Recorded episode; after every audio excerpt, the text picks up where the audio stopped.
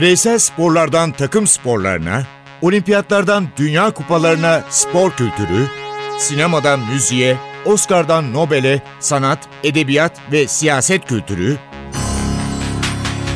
ve dünya tarihinin unutulmazlarıyla ilgili konuşulanlar,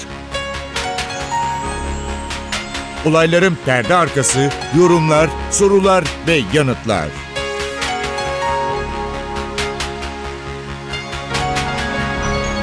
Ercan Taner ve Mert Aydın'la Ateş Arabaları başlıyor.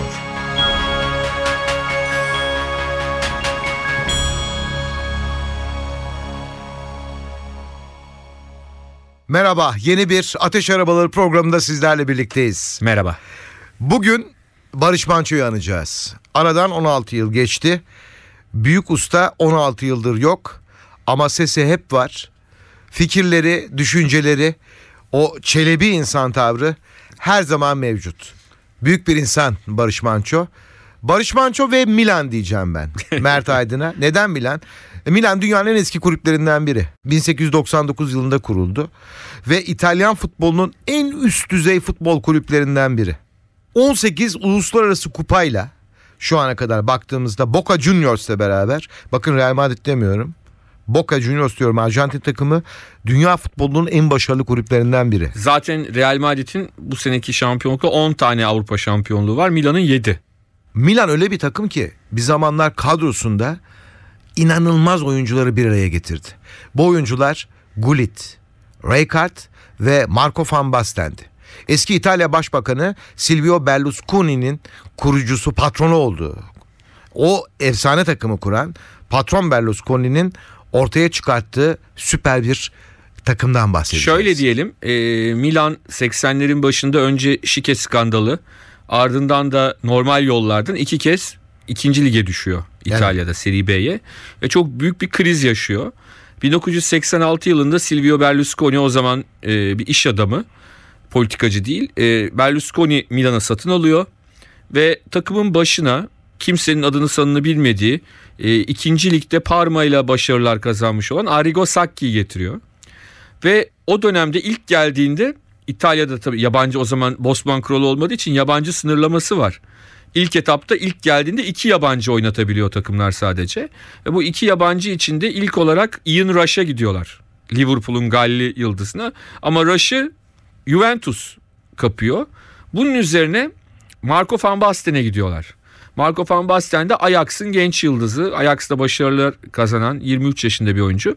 Van Basten'i alıyorlar. Ardından da Avrupa'da yılın futbolcusu seçilen Hollanda'yı ve Avrupa'yı birbirine katan Ruud Gullit'i transfer ediyorlar. Ve 87-88 sezonunda Milan İtalya Ligi'ni şampiyon olarak tamamlıyor. Ama Avrupa'da çok ses getirmiyor. Ee, Van Basten sezonun büyük bölümünü sakat geçiriyor. Ligi 3 golle tamamlıyor. Ama yine de şampiyon oluyorlar. Çünkü işte şimdinin ünlü teknik direktörü Ancelotti'nin de olduğu işte Donadoni, Tassotti, Baresi müthiş bir takım. Ama 88-89 sezonunda bu takım bir de 3. yabancı hakkı geliyor İtalya'da. Bir Hollandalı daha geliyor. Sporting Lisbon'dan yine Ajax altyapısından yetişen Frank Rijkaard. Ve bu üçünün oluşturduğu takım Şampiyon Kulüpler Kupası'nda tozu dumana katıyor. Real Madrid'e 5 atıyor. Ve en sonunda Steaua Bükreş'te ya da Steaua Bükreş'te 4-0 yenerek finalde Avrupa şampiyonu oluyor. Bir yıl sonra bir daha Avrupa şampiyonu oluyor. İşte nereden peki Barış Manço'ya geliyoruz burada? Nereden geliyoruz onu söyleyeyim. Yıl 1988. Çocuklar için daha sonra yaşlılar için e, yapılmış bir programın mimarından bahsedeceğiz. 1988 yılında Barış Manço ile 7'den 77'ye isimli bir program TRT'de yayınlanıyor. Ve bu programın inanılmaz bir seyirci topluluğu reytingi var. Barış Manço zaten büyük sanatçı. Ama bu programda adam olacak çocuk. 77 yaşında insanlarla olan diyalog, çocuklarla olan harika muhabbetler. Dünyayı geziyor. Ve Barış Manço dünyayı gezerken Milano'ya uğruyor ve Milan antrenmanına çıkıyor hiç kimsenin başaramayacağı bir olay. O zaman İtalyanların da öyle. Tabii, Milan, Milan antrenmanında. Evet. Milan'ın kendi tesislerinde Gullit, Rijkaard, Van Basten, Barış Manço ile beraber hem müzik muhabbeti yapıyorlar hem de futbol konuşuyorlar. İlginç. Barış Manço'nun bir de frikiği de var. Evet. Nefis bir gol atıyor. Ve de e, daha sonra Yani düşünün fantezi Barış Manço kaleye geçiyor ve bu 3 yıldız sonra şut çekiyorlar. Yani sonradan şeyi anlatmıştı rahmetli. E, Galatasaray Lisesi'nde okurken e, o zaman meşhur Grand Kur işte Galatasaray Lisesi'nin maçısı. Galatasaray futbol takımı orada antrenman yaparmış. Ve e, Barış Manço'nun en büyük hayali de kaleci olmakmış ve en büyük e, hayran olduğu kişi de Turgay Şeren'miş. Turgay Şeren'in koruduğu antrenmandaki kalenin arkasına geçer şut geldiğinde o da atlarmış. Yani öyle bir kalecilik şeyi de var isteği de var ve e, o günkü program efsaneydi. Ben o zaman lise son sınıftaydım Ercan abi. Ben ağzım açık izledim. Ben TRT'deydim. Evet lise son sınıftaydım ve kursa gidiyoruz. E, üniversite kursuna gidiyoruz. Ya o gün Allah'tan öğlenciydim. Öğlenci olduğum için sabah 11'de falan başlıyordu bu program. Bu programı izleyip kursa gitmiştim. Sabahçı olsam kaçıracaktım düşünsene. Acayip bir gün sonra kursta sabahçı olanların ne kadar e, yıkıldığını anlatamam. Çünkü yani bu üçü hani Messi, Xavi, Iniesta ile röportaj ya da Ronaldo, Bale, Benzema ile röportaj gibi bir şey ve bunu TRT'den adına giden Barış Manço yapıyor. Daha sonra üçüyle senin de bahsettiğin gibi bir sohbet yapmışlardı ve işin ilginç yanı hakikaten Gullit orada da dışa dönük karakterini göstermişti. Van Basten'le Rijkaard biraz sessiz kalmışlardı. E, Gullit da, müzikle çok yakından Tabii, ilgileniyor evet. zaten. Onun da söylüyor konserleri da. var söylüyor evet. da. Bayağı unutulmayacak bir programdı. Barış Manço ve futbol diyoruz. Şimdilerde pek bilmediği ama dünyada bile konuşulan bir şarkı vardı. Barış Manço ile bu albümle devam edelim. Şarkımızın adı Şehrazat. Karşınızda Barış Manço.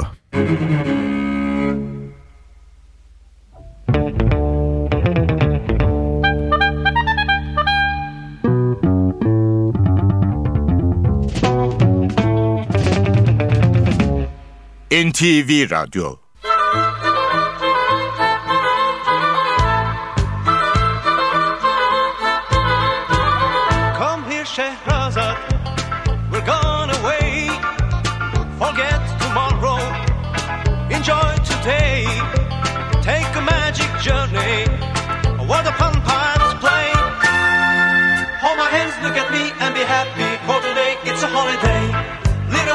itself, echo with me to a land not so far away. Come on, Shehrazad, we're gone away.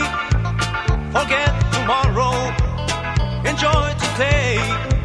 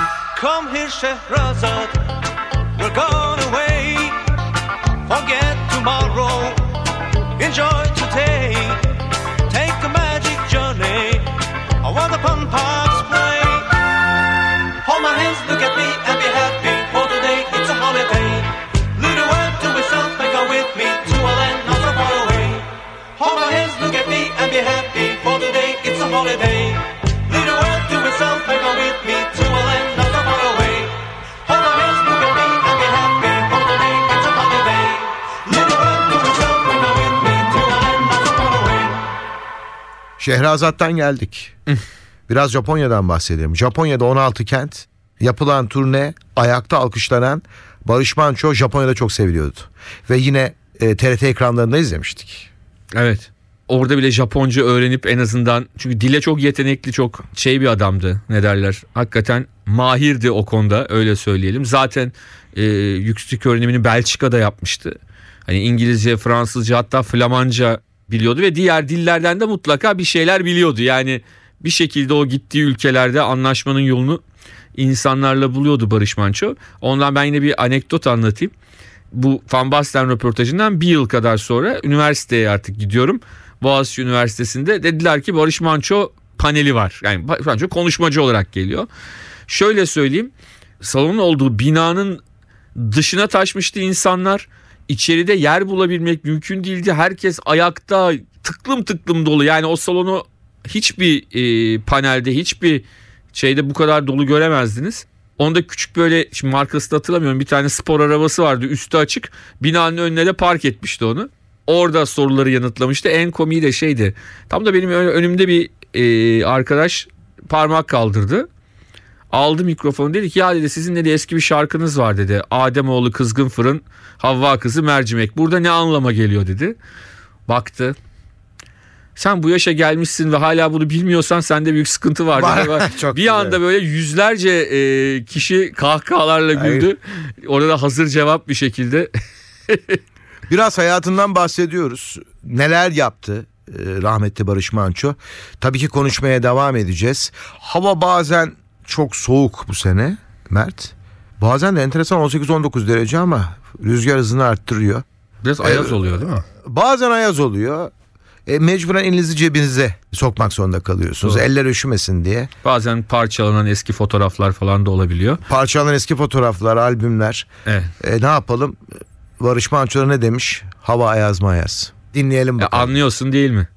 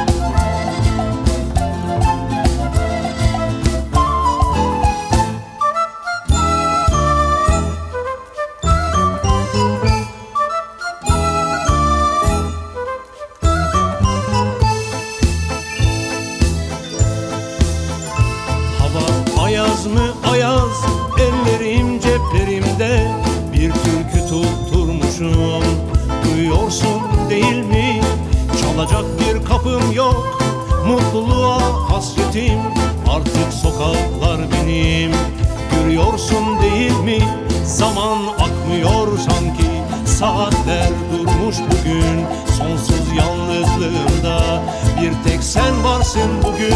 Ya dön bana artık. Duyuyor musun beni?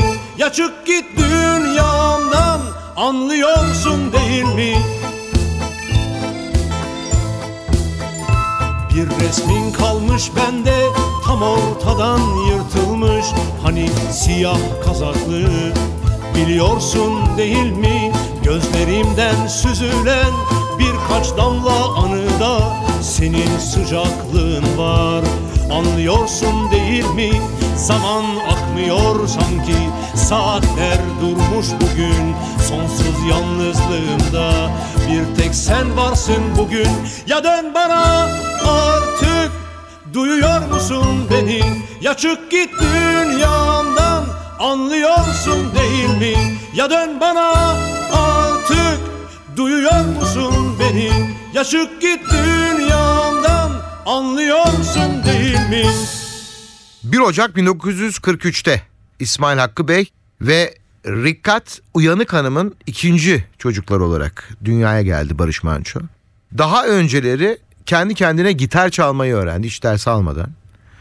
Ve şansı şu Barış Manço'nun annesi klasik müzik öğretmeni. Ve ondan da piyano dersleri aldı.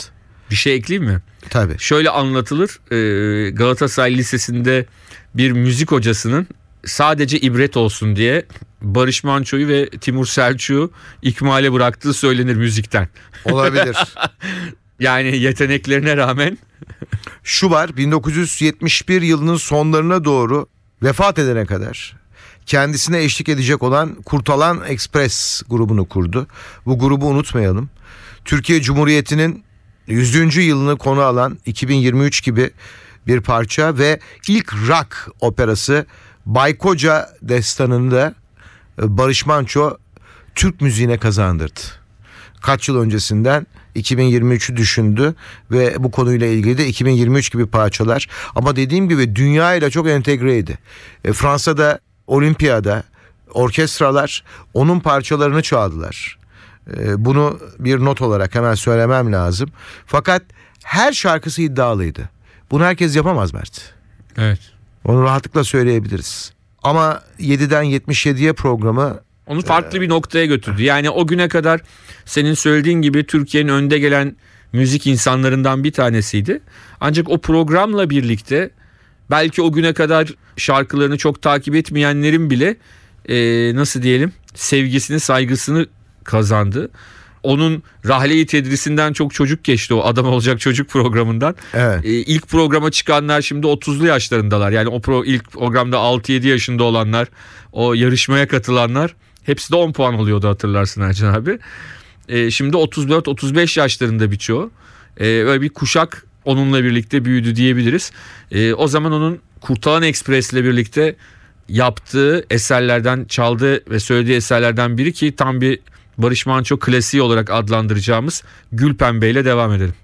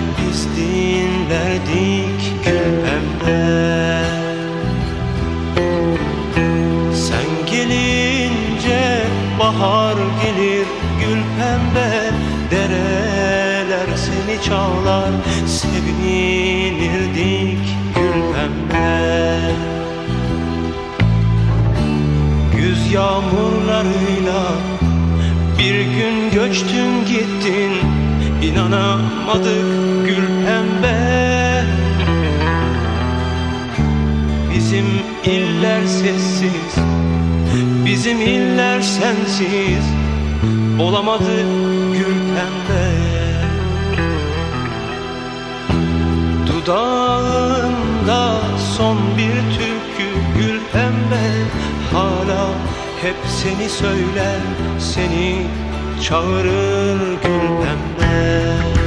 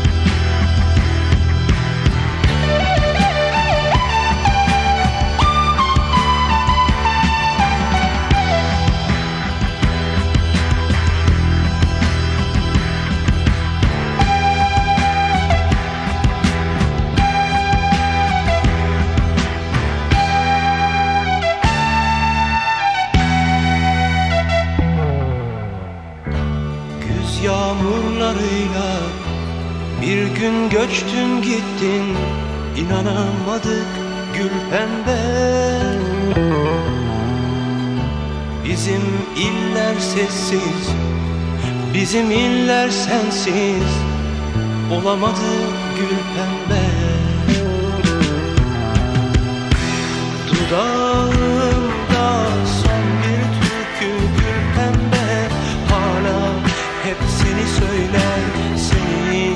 çağırır gül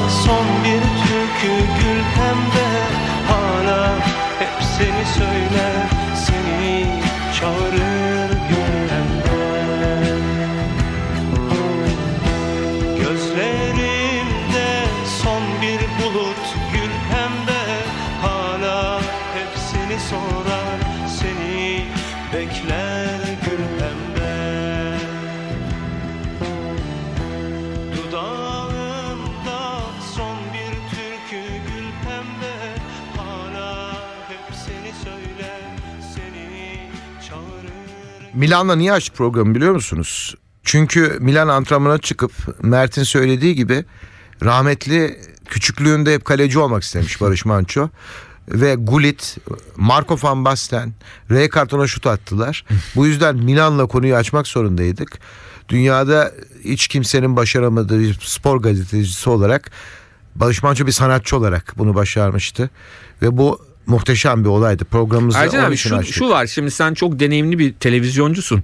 Şimdi o da ayrı bir yetenek işi ve ayrı bir şey. Yani sonuçta Barış Manço çok iyi bir sanatçıydı, iyi bir müzisyendi. Ee, ne bileyim halkla iletişimi çok iyiydi ama bu sizin bunların hepsi sizi çok iyi bir televizyoncu, televizyon programcısı yapmaz. Sonuçta alaylı olarak da yetişmemiş bir kişi olarak gerçekten özel bir yeteneği olduğunu da gösteriyor. Yani tabii ki iyi bir ekibi olmasını gerektiriyor ama sonuçta çok e, aynı zamanda özel bir yeteneği olduğunu da gösteriyor. Yani kolay bir iş değil çünkü. Evet. Yani o randevuları alırsınız da o elektriği veremezsiniz. Hani oraya gidersiniz. Kesinlikle öyle. O elektrik çok farklı bir şey. Türkiye için çok ayrıydı. Kıyafeti, bıyıkları, imajı. Türkiye'nin en unutulmayacak isimlerinden biri. Maalesef erken veda etti. Bakıyorum da bugün kol düğmelerin yok. Neden? Kol düğmelerin yeri ayrıdır çünkü. Evet onun çok en eski parçalarından bir tanesi. Ee, çok eski dönemlerde yazdığı şarkılardan bir tanesi. O zaman kol düğmelerini dinleyelim biraz hüzünlenelim.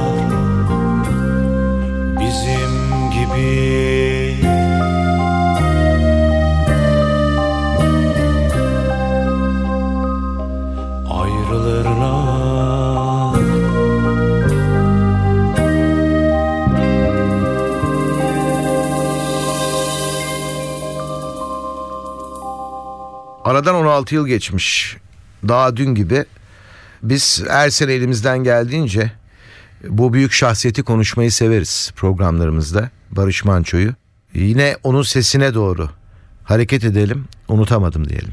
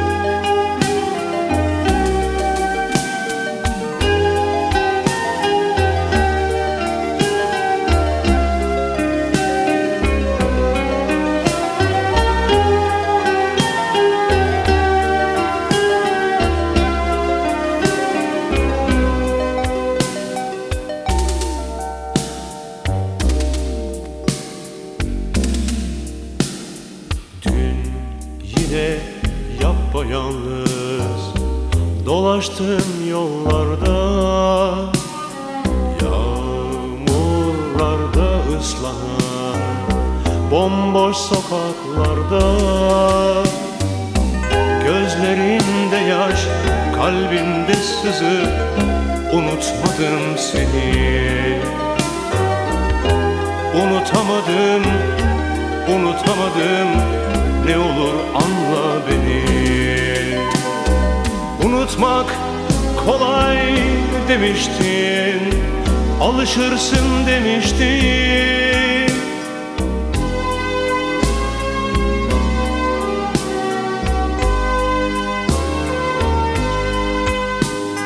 Öyleyse sen unut beni Yeter ki benden isteme Gözlerimde yaş, kalbimde sızı. Unutmadım seni. Unutamadım, unutamadım. Ne olur anla beni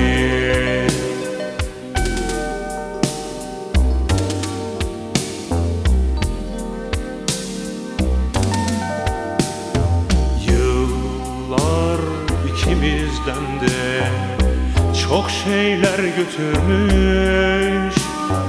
Sen yeni yuva kurarken beni paramparça bölmüş. Gözlerinde yaş, kalbimde sızı Unutmadım seni. Unutamadım, unutamadım Ne olur anla beni unutmak kolay demiştin Alışırsın demiştin.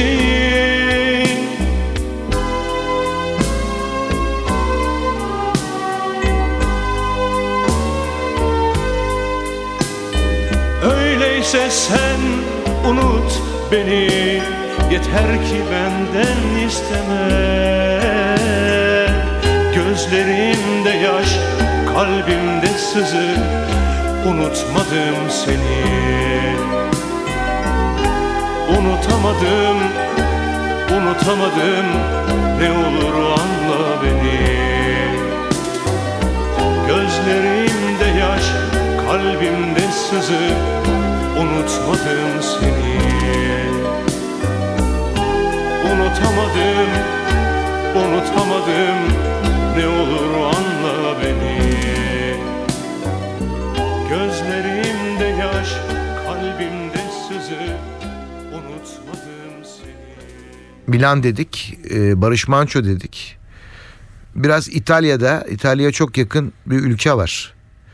E, bu ülke İçinde. İtalya'nın içinde ben e, milli maça gittim orada.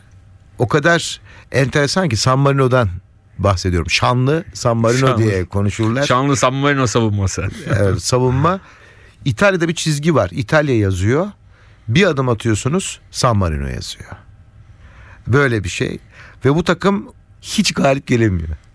26 Nisan 2004'te Liechtenstein'la ilk kez 1-0 kazanıyorlar. Ama bir özellikleri var. İlk gollerini bize attılar. O büyük bir e, şey talihsizlik. İlk golleri bize değil aslında. Onu ifade edelim. O o dönemde biraz olayı abartmak için kullanılmış bir şeydi. İlk resmi golleri Romanya'ya. Çünkü biz 4-1 kazandığımız ve sonra da 0-0 kalarak ilk puanı biz verdik. O doğru. İlk puanı veren biziz. E, 4-1'lik maçta yediğimiz gol Bir de 0-0'ımızı iyi hatırlattın. Tabii tabii. 1994 Dünya Kupası elemelerinde. Halbuki ilk katıldıkları elemeler 92 Avrupa Şampiyonası elemeleri. Orada ilk gollerini atmışlardı.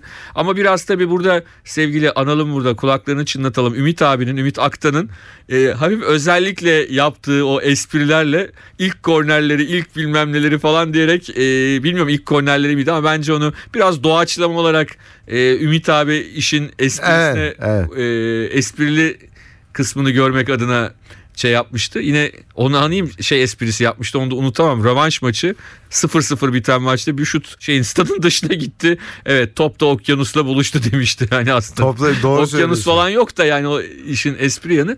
Öyle acayip bir ülke bizim de o, o dönemde kötü anılarımız oldu ama ondan sonra açtık onu. Yani San Marino'yla daha sonraki yıllarda yaptığımız maçlarda bir şey olmadı. Ne derler?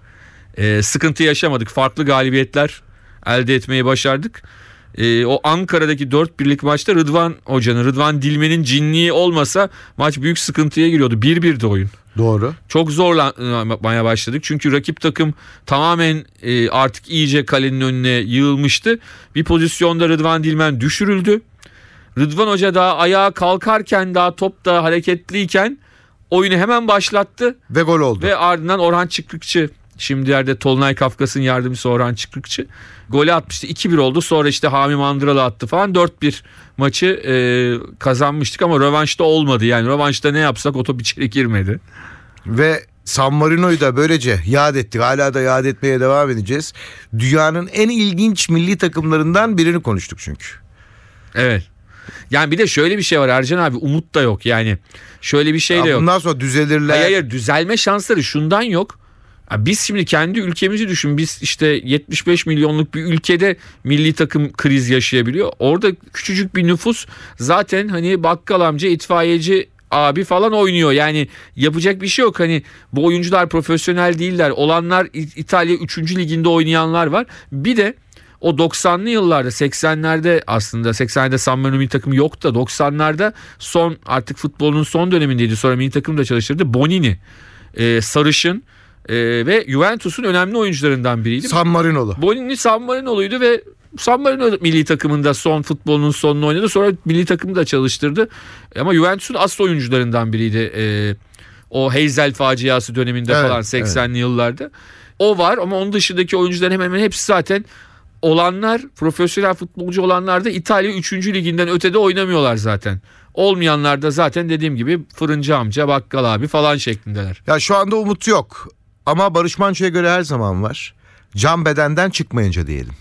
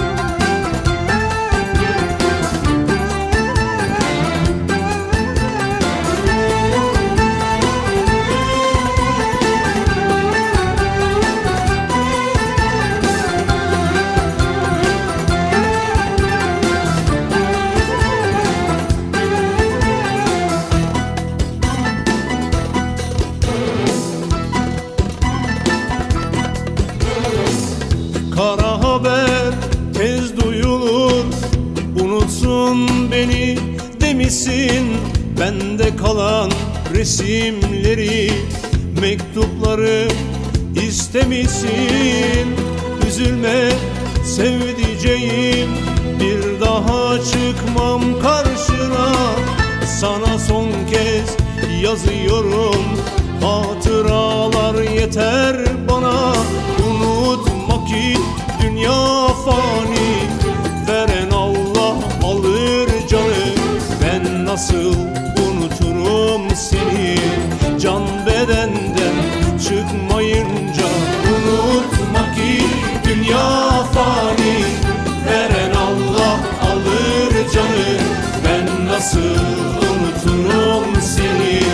Can bedenden çıkmayınca Mert programımızın son bölümlerine geliyoruz. Evet. Büyük bir ustayı e, elimizden geldiğince almaya çalıştık. E tabii ki herkesin olduğu gibi onun da sporla ilgisi vardı. Ve dünyanın en güzel e, spor röportajını gerçekleştirmişti bence. E, onu söyleyelim. Ve yavaş yavaş veda zamanımız geliyor. E, Barış Manço'dan Kara Sevda diyelim. diyelim. Biraz e, hüzünleri atalım üzerimizden. Evet. Coşkulu bir rock parçasıyla Veda edelim. Ben Edelim. Ercan Taner. ben Mert Aydın. Karşınızda Barış Manço, Kara Sevda. Hoşçakalın.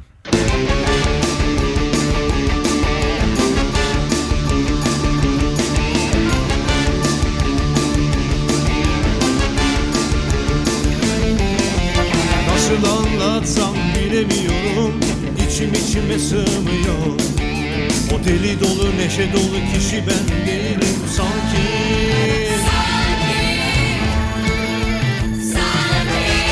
Dışarısı buz gibi lapa lapa kar var. Benim içim yanıyor.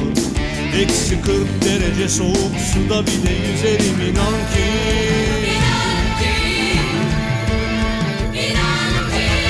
Kara sevdam, kara sevdam Dedikleri daha ne olabilir Seni benden kim ayırabilir ki? Çocukça bir aşk deyip de geçme Sakın gülme halime.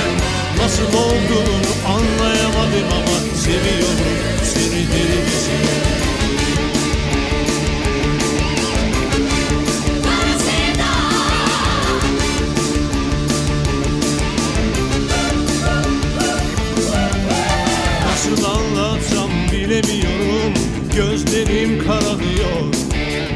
Tepe taklak oldu dünya tersine sanki.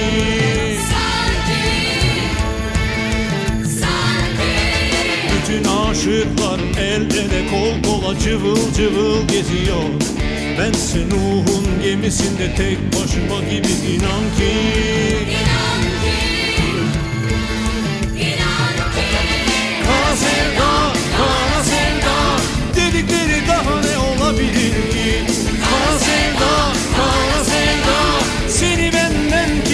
kim ayırabilir ki Çocukça bir aşk deyip de geçme. Sakın gülme halime Nasıl olduğunu anlayamadım ama Seviyorum seni delicesine